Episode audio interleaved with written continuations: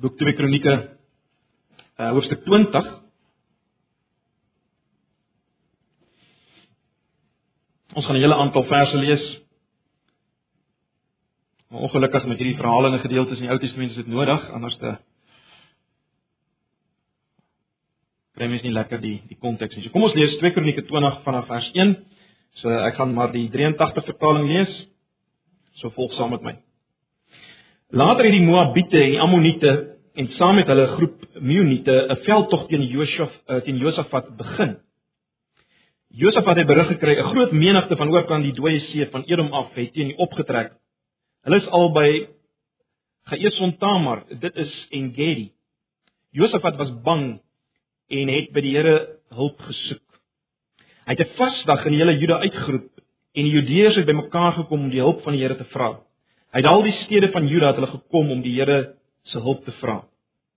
Josef het opgestaan in die gemeente van Juda in Jerusalem in die tempel reg voor die nuwe voorhof uh in die tempel reg voor die nuwe voorhof en gebid: Here, God van ons voorvaders, U is God. U heers uit die hemel oor al die koninkryke van die nasies. Uit U hand kom die mag en die krag. Niemand kan teen U standhou nie. Dit is U ons God wat die vroeë inwoners van hierdie land voor die volk Israel uitverdryf het en die land aan die nageslag van U vriend Abraham as 'n blywende besitting gegee het. Hulle het hulle hier gevestig en hier vir U naam 'n heiligdom gebou en gesê: As U 'n ramp oor ons bring of 'n oorlog om ons te straf, 'n pes of hongersnood, sal ons voor hierdie tempel kom staan vir U, want U naam is in hierdie tempel. En ons sal na U om hulp roep uit uh, uit ons nood hoor dan en help ons. Nou het die mense van Ammon en Moab en die Seerberge uh gekom. U het Israel met sy trek uit Egipte nie toegelaat om in hulle gebied te kom nie. Die Israeliete het daardie mense vermy en hulle nie uitgeroei nie. Maar nou vergoed hulle ons deur te kom en ons uit u besitting te, te wil verdryf wat u aan ons gegee het. Ons God sal u hulle nie straf nie, want ons het nie die krag om hierdie groot menigte wat teen ons optrek te weerstaan nie. Ons weet nie wat om te doen nie. Ons oë is op U gerig. Hele Juda en hulle afhanklikes, vrouens en kinders het daar voor die Here gestaan. Toe kom die gees van die Here daar in die gemeente oor die Lewiet Jagesiel, seun van Sagaria, seun van Benaja, seun van Jehel, seun van Matanja uit die nageslag van Asaf. En hy sê: "Luister mense van Juda, inwoners van Jerusalem en koning Josafat, So sê die Here vir julle: Moenie vrees nie. Moenie bang wees vir hierdie groot menigte nie, want hierdie oorlog is nie 'n saak vir julle nie, maar vir God. Trek hulle môre tegemoet wanneer hulle in die bloeiselpas opkom. Julle sal aantref by die punt van die vallei wat in die Jeriel woestyn uitloop. Julle hoef nie te veg nie. Neem net posisie in en staan en kyk na die oorwinning van die Here vir julle. Moenie vrees nie, Juda en Jerusalem. Moenie bang wees nie. Trek hulle môre tegemoet. Die Here sal by julle wees. Toe kniel Josef vat en al die mense van Juda en Jerusalem uh Ekskuus, en al die mense van Juda en Jerusalem het voor die Here gebuig en hom eer betoon. Daarna het die leviete van die Kehat en die Korah groepe opgestaan en die Here die God van Israel uit volle bors geprys. Josef het hulle die volgende môre vroeg uit na die Tekoa woestyn toe.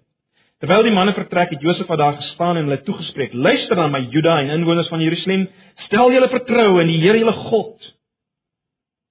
En julle sal vas staan, stel julle vertroue in sy profete en dit sal goed gaan met julle."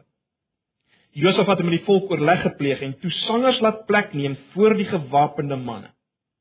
Hulle het vooruitgeloop in hulle gewyde klere en die Here geloof met die woorde: Loof die Here aan sy liefde is daar geen einde nie.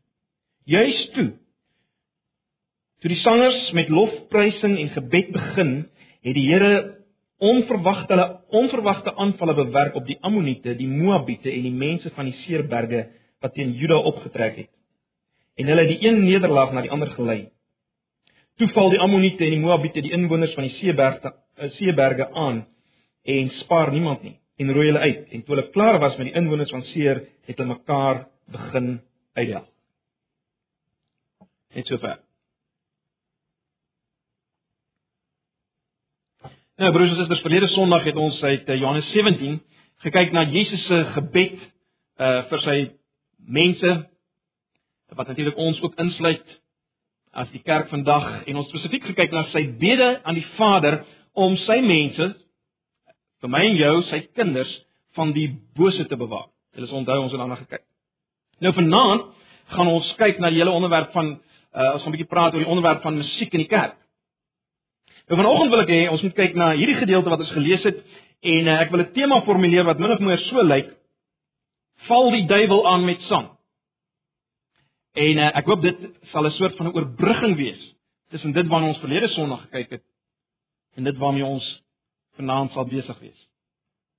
Nou, in leiding vir vanoggend wil ek net sê daar's basies drie maniere waarop God sy mense van gevaar bewaar.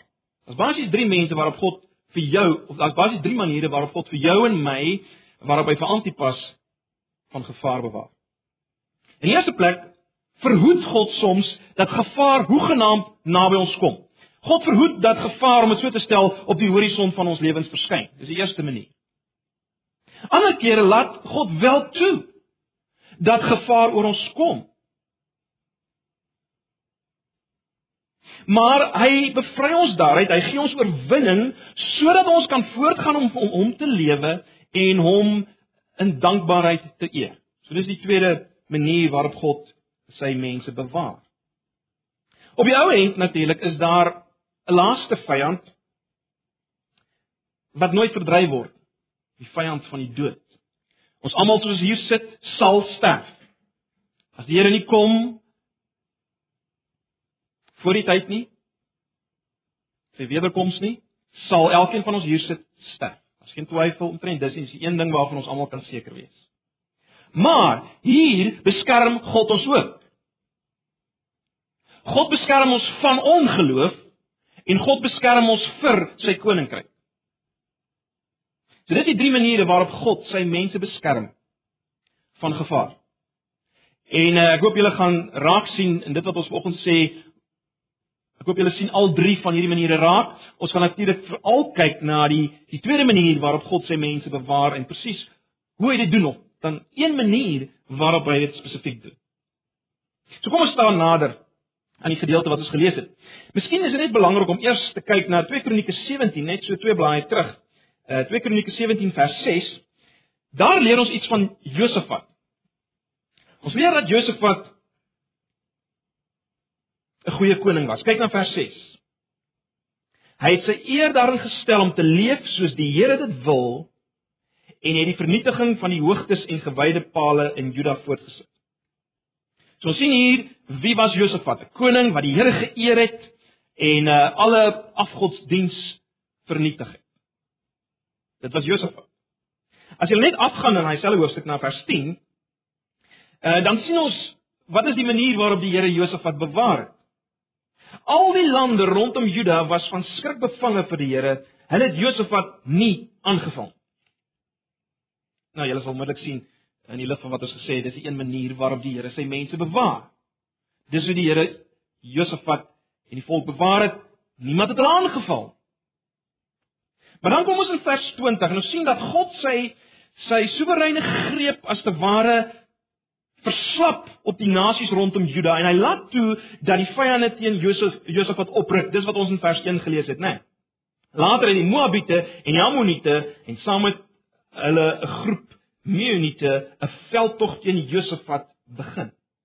In ander woorde, God het opgehou. God het opgehou om Josafat te beskerm deur sy vyande weg te hou. God kon voortgegaan het om dit te doen. Daar's geen twyfel nie. Hy het die mag om dit te doen, maar hy het gekies om dit nie te doen nie, want Josafat en die volk moes op 'n ander manier leer hoe God hulle beskerm. Dis hoekom hy dit doen. En moes op op 'n ander manier God se bewaring beleef as jy wil. Wat behoort ek en jy te doen wanneer God toelaat dat die vyand as te ware teen ons losstrek of as hy die vyand teen ons loslaat? Wat behoort ons te doen? Wel, ons behoort te doen dit wat Josafat in vers 3 doen, nê? Nee, luister net weer na vers 3. Josafat was bang. En hy het by die Here hulp gesoek. Hy het 'n vasdag in die hele Judea uitgeroep en die Judeërs bymekaar gekom om die hulp van die Here te vra. En dan sien ons ook dat hulle gevas. So wat behoort ons te doen? As ons lewens bedreig word, wanneer ons geloof bedreig word, aangeval word, wanneer ons uh, huwelike aangeval word of die moraliteit van ons kinders bedreig word, ag bedreig word of die vuur van aanbidding in ons eie lewens bedreig word of die eenheid in ons gemeente bedreig word, wat behoort ons te doen? Wel, ons behoort die Here te soek in gebed. En soms met vas. Dis ons die Here behoort te soek. As ons bedreig word deur enige van die bose se aanvalle, dit waar ons verlede sonde gepraat. En as ons maar net kom bid soos Josafat, né? Nee, kyk net weer aan vers 6 tot 12. Ons lees daai begin van vers 6. Uh hy het gebid, Here, God van ons voorvaders, U is God. U heers uit die hemel oor al die koninkryke van die nasies. Uit U hand kom die mag en die krag. Niemand kan teen U stand hou.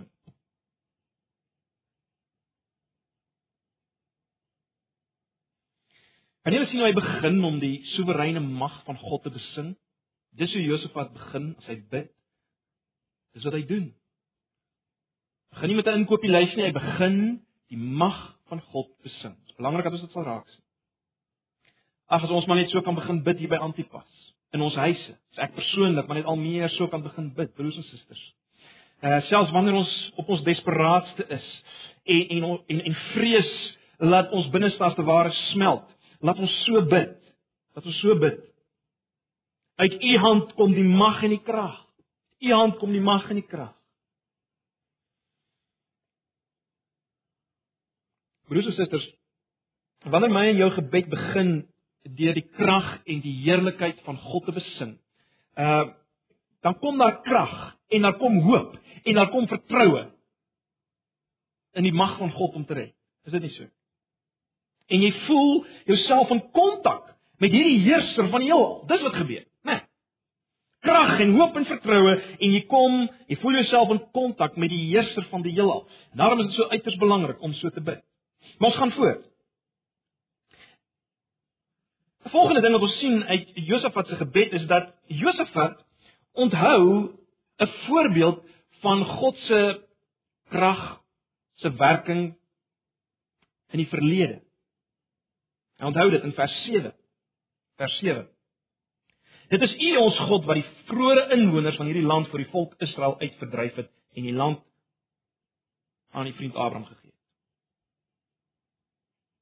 Jy sien dit is belangrik om in jou gebede dit wat God in die verlede gedoen het in jou lewe en in die geskiedenis van sy kerk, dis nodig broers en susters om dit te verwoord, né? Nee. Want dit versterk ons vertroue in sy krag en in sy liefde. As mens kyk weer na Josafat se gebed in vers 8 en 9, onthou hy hoe God ehm uh, se mense heiligdom gebou het, dit toegewy het aan die Here en beloof het dat as hulle in die nood is, dan sal hulle daar die Here se hulp soek, sy naam aanroep. Sy naam staan natuurlik vir wie hy is, sy karakter. Wie hy is. Hulle sal hom aanroep. En dan in vers 10 en 11 sal julle sien beskryf uh, Josafat die die die hele probleem, die panarie waarin hulle self bevind het met Moab en die Ammoniete en die en die seer gebergte wat teen hulle is. En dan vers 12 is aangrypend. Kyk net na vers 12. Ons God sal u hulle nie straf nie want ons het nie krag om hierdie groot menigte wat teen ons optrek te weerstaan nie. Ons weet nie wat om te doen nie. Ons oë is op u gerig.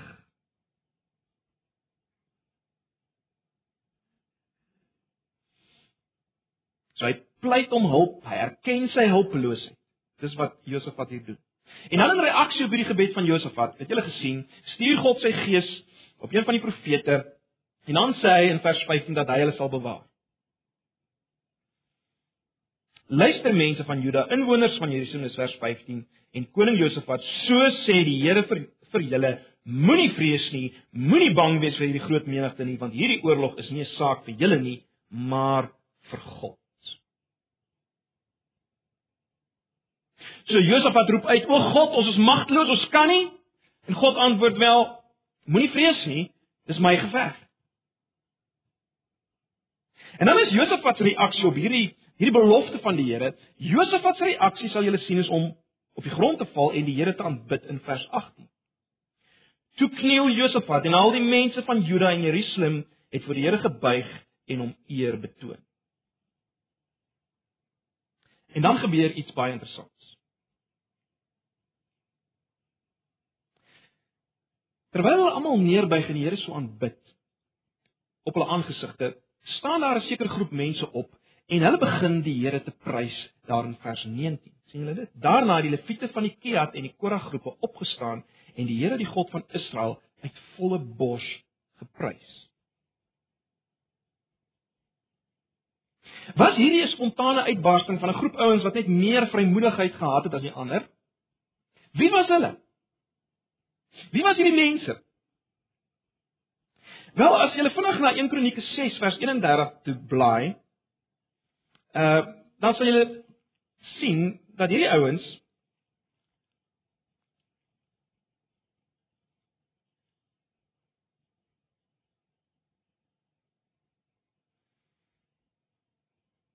in Kronieke. So gaan terug na die boek 1 Kronieke. 1 Kronieke 6 vers 31.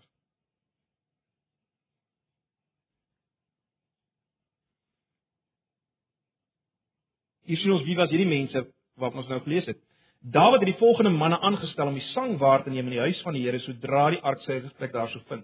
Hulle het ook gesorg vir die sang vir die heiligdom, die tent van ontmoeting, totdat Salomo die die huis van die Here in Jerusalem gebou het. Uh, hulle het hulle dienste verrig volgens 'n vaste reëling. Die volgende manne het die diens verrig saam met hulle seuns. Van die Kehat groep was daar en dan gaan hy so aan. Dan kom die geslag register. Ek wil nie nou daarop ingaan nie, julle kan myself gaan lees vir interessantheid, maar ek dink dit is baie duidelik. Met ander woorde, hierdie mense, ehm uh, hierdie groep wat opstaan om die Here te prys in 2 Kronieke 20 vers 19 is nie maar net sommer ouens wat vrymoedigheid geneem het, een of ander charismatiese groepie wat vrymoedigheid geneem het nie. Nee, hulle was die sanggroep, as jy wil, die musiekgroep, sanggroep van Israel. Hulle is die groep wat sedert die tyd van Dawid toegewy is uh vir hierdie bediening om die volk te lei en te help om die Here te prys vir sy beloofde oorwinning.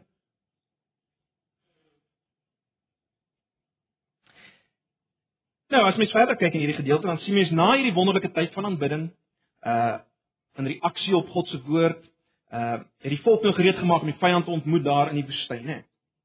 Hulle sou die oggend vroeg uh optrek om die vyand te ontmoet en dan beveel Josafat hulle weer om God se belofte te onthou, dan vers 20, julle kan net vinnig kyk. Ehm uh, Luister na my Juda en inwoners van Jerusalem, stel julle vertroue in die Here julle God en julle sal vas staan. Stel julle vertroue in sy profete en dit sal goed gaan met julle. En dan, baie interessant. Dan wys Josafat sy voorste linie vegters aan. Julle het dit gesien? Maar let op, die voorste linie troepe is nie die strydwaans of die swaardvegters nie. Die voorste linie vegters is die sangers, die sanggroep. Hulle gaan voor. In ander woorde, Josafat wil oorwin deur die sanggroep, as mens dit so kan stel. God het gesê, die geveg is syne om te veg. So watter beter manier is daar vir Israel as om die vyand te ontmoet met liedere van oorwinning in die voorste linie? Kyk nou vers 21. Josafat het met die volk oorleg gepleeg en toe sangers laat plek neem voor die gewapende manne. Hulle het vooruitgeloop in hulle gewyde klere en die Here geloof met die woorde: Loof die Here, aan sy liefde is daar geen einde nie. Jy sien wanneer God sê dat die geveg syne is en die oorwinning seker is, is die manier waarop ons die vyand moet oorwin of of ek so stel, is die manier waarop ons die vyand te moet uh, te gemoed moet gaan, is liedere. sien julle dit? Liedere van lof. En ek ek dink die skrywer onder inspirasie van die Gees wil dit baie ma duidelik maak, ja, die oorwinning behoort aan God. In ander woorde, hy wil dit duidelik maak dat alhoewel die oorwinning aan God behoort, is die menslike middel wat God gebruik en hier gebruik baie interessant, die bediening van sang. Die sanggroep. Want kyk wat gebeur in vers 22. Kyk wat gebeur in vers 22. Juis toe die sangers, juis toe toe die sangers met lofprysing en gebed begin het, het die Here onverwagte aanvalle bewerk op die Ammoniete, die Moabiete en die mense van die Seerberge wat teen Juda opgetrek het en hulle het die een nederlaag na die ander gelei. Die 53 vertaling sê en op die oomblik toe hulle gejubel en die lofsang aan het, toe hulle die gejubel en die lofsang sang aan het, toe gebeur hierdie dinge. Op die oomblik toe dit gebeur. Julle het gesien het eers het um, Moab teen uh, Moab en Ammon teen die seer uh, berge gedraai en en toe draai hulle te mekaar uh, en uiteindelik was daar 'n geweldige nederlaag sodat dit eintlik 3 dae gevat het vir Josafat en sy mense om uh, om al die buit weg te dra. Nou, die vraag is natuurlik wat het dit met ons te maak?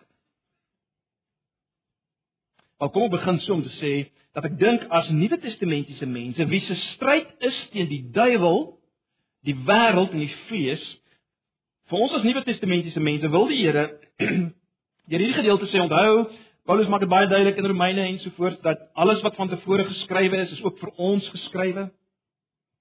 Vir ons wat in die laaste dae leef, alles wat in die Ou Testament geskryf is, is ook vir ons. So wat wil die Here vir ons sê?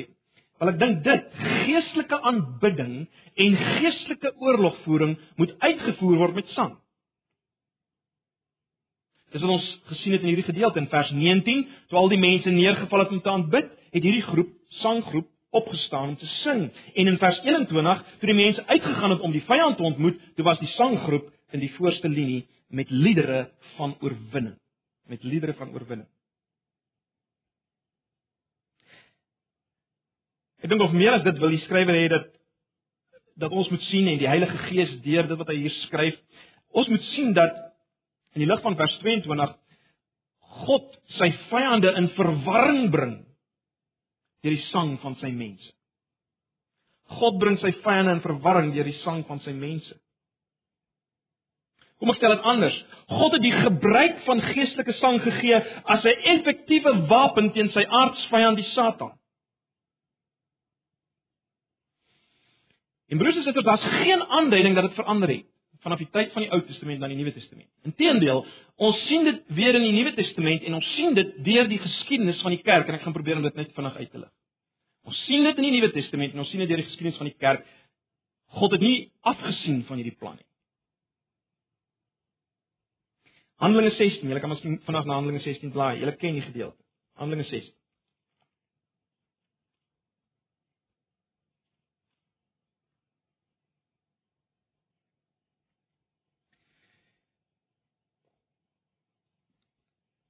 Handelinge 16 verstewig dit wat ons en bevestig dit wat ons sien in 2 Kronieke 20. In Handelinge in Handelinge 16 sien ons dat Paulus en Silas word nie beskerm deur God van die aanval op uh, deur hulle vyande nie. Hulle word wel gespaar van die dood. Maar as jy kyk na vers 22 tot 24, jy kan dit myself gaan lees, dan sien jy wat gebeur. Ehm um, hulle klere van hulle lyf afgeskeur, hulle het lyfstraf straf gekry, hulle is in 'n tronk gegooi, ehm um, hulle voete is in 'n houtblok gesit. Dis wat met hulle gebeur het omdat hulle getuig het aangaande Jesus Christus. Jy kan jouself voorstel, stel jou voor dit gebeur met jou in in ons konteks, jy word gekaap agter in 'n motor se kattebak gedruk. Uh na donker gebou gevat. Jou klere word afgeskeur van jou lyf af. Jy weet nie, gaan jy ouens met die brand steek? Van my keel afsny. Jy weet wat hulle gaan doen nie. Wat sou jy gedoen het? Wat sou jy gedoen? Wel, dis 'n gebed. Natuurlik sal ons bid. Ons sal uitroep om hulp. En dis wat Paulus en Silas maar net gedoen het. Maar hoekom het hulle gesing?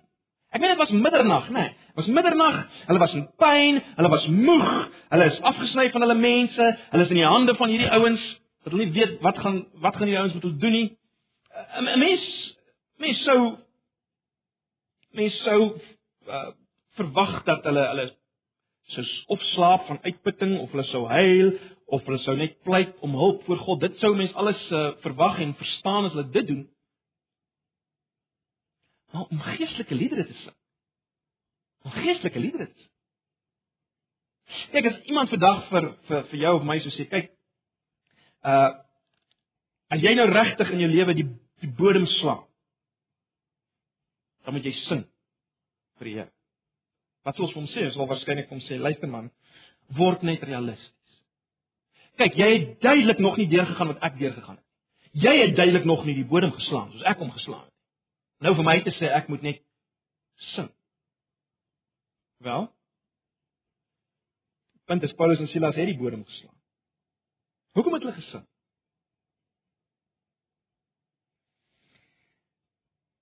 Broers susters, hulle het gesing omrede hulle 'n vertoning van God se krag nodig gehad het. Dis hoekom hulle gesing. Jy sien, hulle het geleer om dit so te stel dat sing nie net 'n reaksie is op God se genade nie. Hulle het geleer dat sing ook 'n wapen is in geestelike oorlogvoer. Hulle het geleer wat Josafat geleer het en wat baie na hom geleer het. Naamlik dat God sy vyande in verwarring bring deur die sang van sy mense. Hulle het geleer. En in sy groot genade, sou julle gesien het, of sou julle al gelees het in hierdie gedeelte, uh het God presies gedoen vir Paulus en Silas wat hy vir Josafat gedoen het. Kyk net na vers 26 miskien van Handelinge 16. Kyk net na vers 26. In vers 25 lees ons teen middernag was Paulus en Silas besig om te bid en tot lof van God te sing. Die ander gevangenes het na hulle geluister en dan vers 26. Skielik kom daar 'n groot aardbewing wat die fondamente van die tronk geskit het. Al die deure van die tronk het onmiddellik oopgegaan en al die gevangenes se boeye het losgeraak. Dis wat gebeur.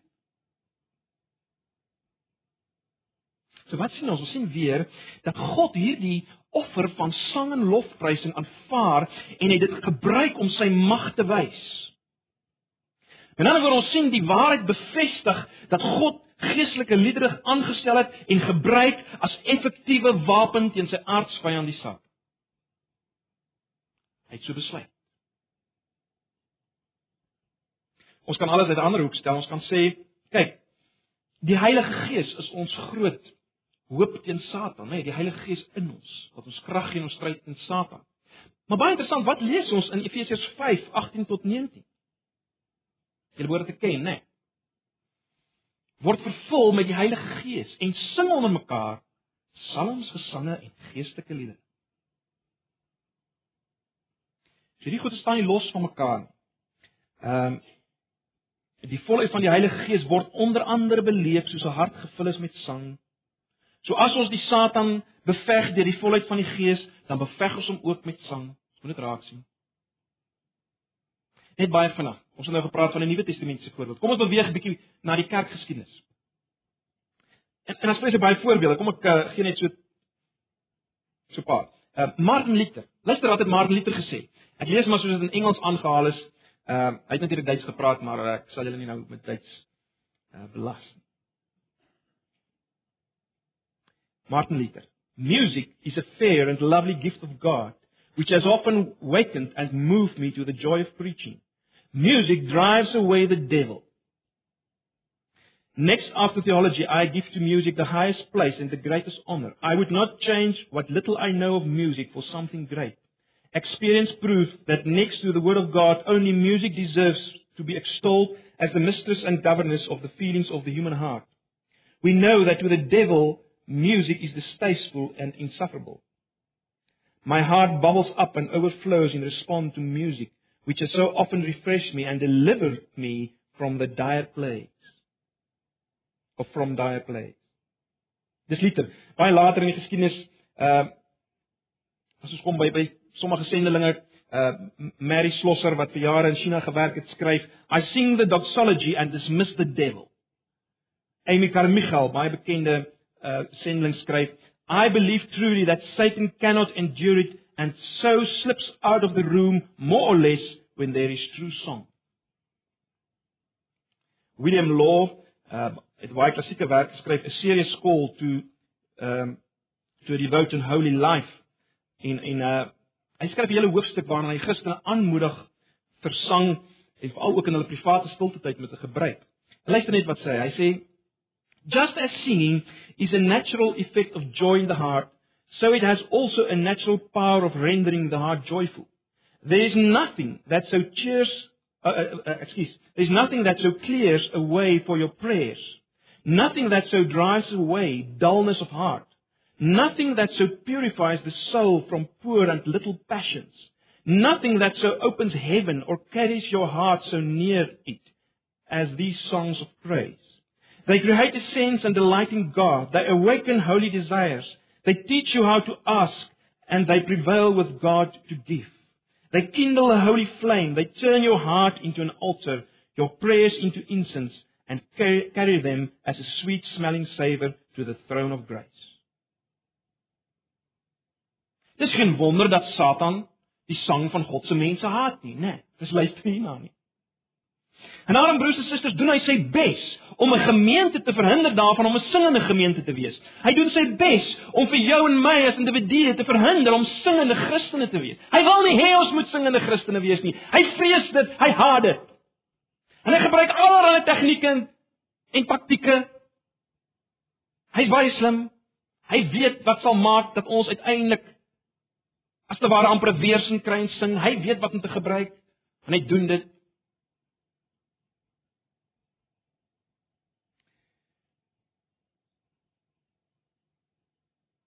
Net 'n laaste voorbeeld. Miskien dink julle die voorbeeld wat ek nou gedoen het, dit lê daarom ver terug in die geskiedenis. Kom ek gee julle net 'n meer hedendaagse getuienis. Uh, John Piper uh vertel van 'n geleentheid waar hy geroep is uh om te kom help waar hulle besig was met 'n demoniese vroue groep in, in sy gemeente.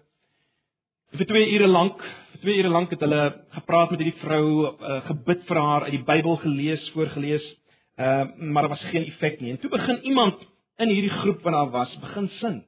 Sy begin 'n bekende lied wat die gemeente dikwels sing daar by John Piper se gemeente. Sy begin hierdie lied sing en en, en hulle begin almal saam sing en elke keer kry hulle nuwe woorde vir hierdie hierdie selfe lied en hulle begin sing. En ewe skielik was 'n ontsaglike effek vir die vrou.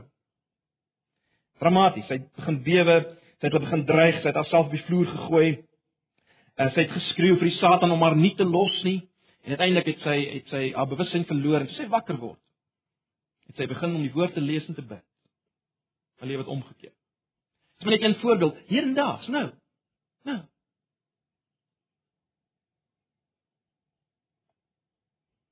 God gebruik die sang van sy mense in die stryd teen Satan, die wêreld en ons vlees. Ek sluit af met net met 'n paar punte van toepassing. Ek sal nie lank wees nie. Net punt nommer 1. Kom ons begin anders dink oor sang. Moet dit myself sê broers en susters. Ons het baie stereotipe idees daaroor, maar kom ons begin anders daaroor dink. Beide in jou private verhouding met die Here en as dit gaan oor ons gemeente wat saam moet sing. Kom ons begin anders dink daaroor. Kom ons begin vir eens en altyd net in ons kop kry dat sing 'n voorafgedeeltetjie is voor prediking. Die eintlike ding is die prediking. Ons wag net vir die prediking. Ons gaan nie wag dat die sang moet verbykom nie. Dit moenie te lank wees nie. Kom ons begin daai denke verbreek. Kom ons begin besef dat sang nie eers net is om God te loof en te prys en om te sê wie hy is nie. Dit is dit natuurlik. Ons moet hom groot maak en aanbid. Maar ons sien vanoggend dis nie eers net dit nie. Dis ook gegee om die magte van die bose te verdryf ook hier waar ons besig is met mekaar. Dis iets ontsagliks. Krag word word ontketen as ons sing. Kom ons dink so daaraan. Kom ons los ons klein uh eie vooropgestelde ideetjies en ons begin sien die groter prentjie. En net dan derdens, kom ons gebruik sang. Ek sê dit vir myself. Kom ons begin dit weer gebruik in ons privates wat ons noem stilte tyd. Ons gebruik dit weer. Ek weet dis mense wat dit gebruik. Ek kan nie ek sal nie name noem nie, maar hier's mense wat dit gebruik en kragtig gebruik. Ek weet dit. Kom ons gebruik dit in ons huisgodsdiens weer. En as ons by die gemeente kom, broers en susters, kom ons staan soos een man agter die mense wat ons lei om te sing. Kom ons staan soos een man agter hulle in gebed. Hulle veg in die voorste linie. Hulle veg in die voorste linie. Kom ons staan soos een man agter hulle. En as jy hier is as iemand wat begaafd is en die Here het vir jou gawe van sang gegee, ons leef in die Nuwe Testament se tyd wat hy sy gawes gee op 'n baie groter skaal as in die Ou Testament. Iemand wat kan sing, instrumente kan bespeel, voeg jou. Voeg jou by die groep wat ons lei. En in lig daarvan sal jy sien broers en susters, waarom dit belangrik is dat ons vanaand hier sal wees. Weet, ons is ons het gewoond geraak ons nou nie meer in die aande diens maar net een aand. Kom ons as ons bietjie saam gesels net oor waar pas uh instrumente in, in musiek in, in hierdie wonderlike ding van sang. Uh en twee mense gaan vir ons voorgaan in 'n in 'n kort uh, lesentjie oor 'n sekere aspek en dan is dit is daar moontlikheid om vrae te vra na die tyd. Kom ons kom. Dit net te wys hoe belangrik ons dit ag as wapen in die stryd teen Satan. Ek sê af. Op 8 Januarie 1956 het Jim Elliot en vier ander sendlinge het hulle die gedeelte van die oerwoud genader waar die uh, sogenaamde Auka Indiane gebly het. Die laaste ding wat hulle volgens Elizabeth Elliot, die man van Jim Elliot, ag die vrou van Jim Elliot gedoen het, uh was om 'n lied saam te sing. En die woorde het so gelei: We go in faith, our own great weakness feeling and needing more each day thy grace to know Yet from our hearts a song of triumph pealing, we rest on thee and in thy name we go. Al vyf is daai middag vermoor. Baie van julle ken die verhaal. Al vyf is vermoor. Maar hulle is ook deur God bewaar. Hulle is ook deur God bewaar. My derde punt toe begin het. Hulle is bewaar van 'n lot baie erger as die dood, né? Nee. Hulle is bewaar van lafhartigheid en ongeloof en vrees. En ek dink nie dis verkeerd om te sê dat ook in hulle geval 'n sang ingespan as instrument van beskerming. Broers en susters, ons het twee groot wapens in aanbidding, die woord van God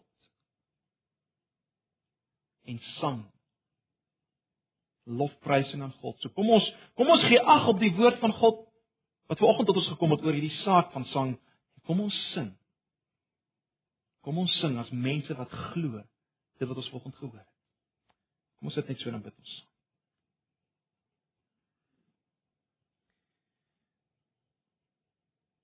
Here baie dankie vir die woord. 'n Woord wat miskien vreemd vanoggend op ons ore val, bietjie uit 'n ander hoek uitkom, as waarna ons gewoond is. Maar as u woord en ons vertrou dat u dit sal gebruik, bid dit vir myself dat u my denke sal vernuwe en sal verander oor hierdie saak. Elkeen van ons wat hier sit. U ken ons. U weet ons almal kom uit verskillende tradisies, ehm um, oortuigings. Voorkeur. Ag Here, kom beweeg ons almal net tot hierdie een ding en dit is om U te aanbid en groot te maak en dit wat u gegee het gebruik om die magte van die bose ook te verdryf van u kerk, u oogappel. U kinders, asseblief. Here, ons vra dit in Jesus se naam. Amen.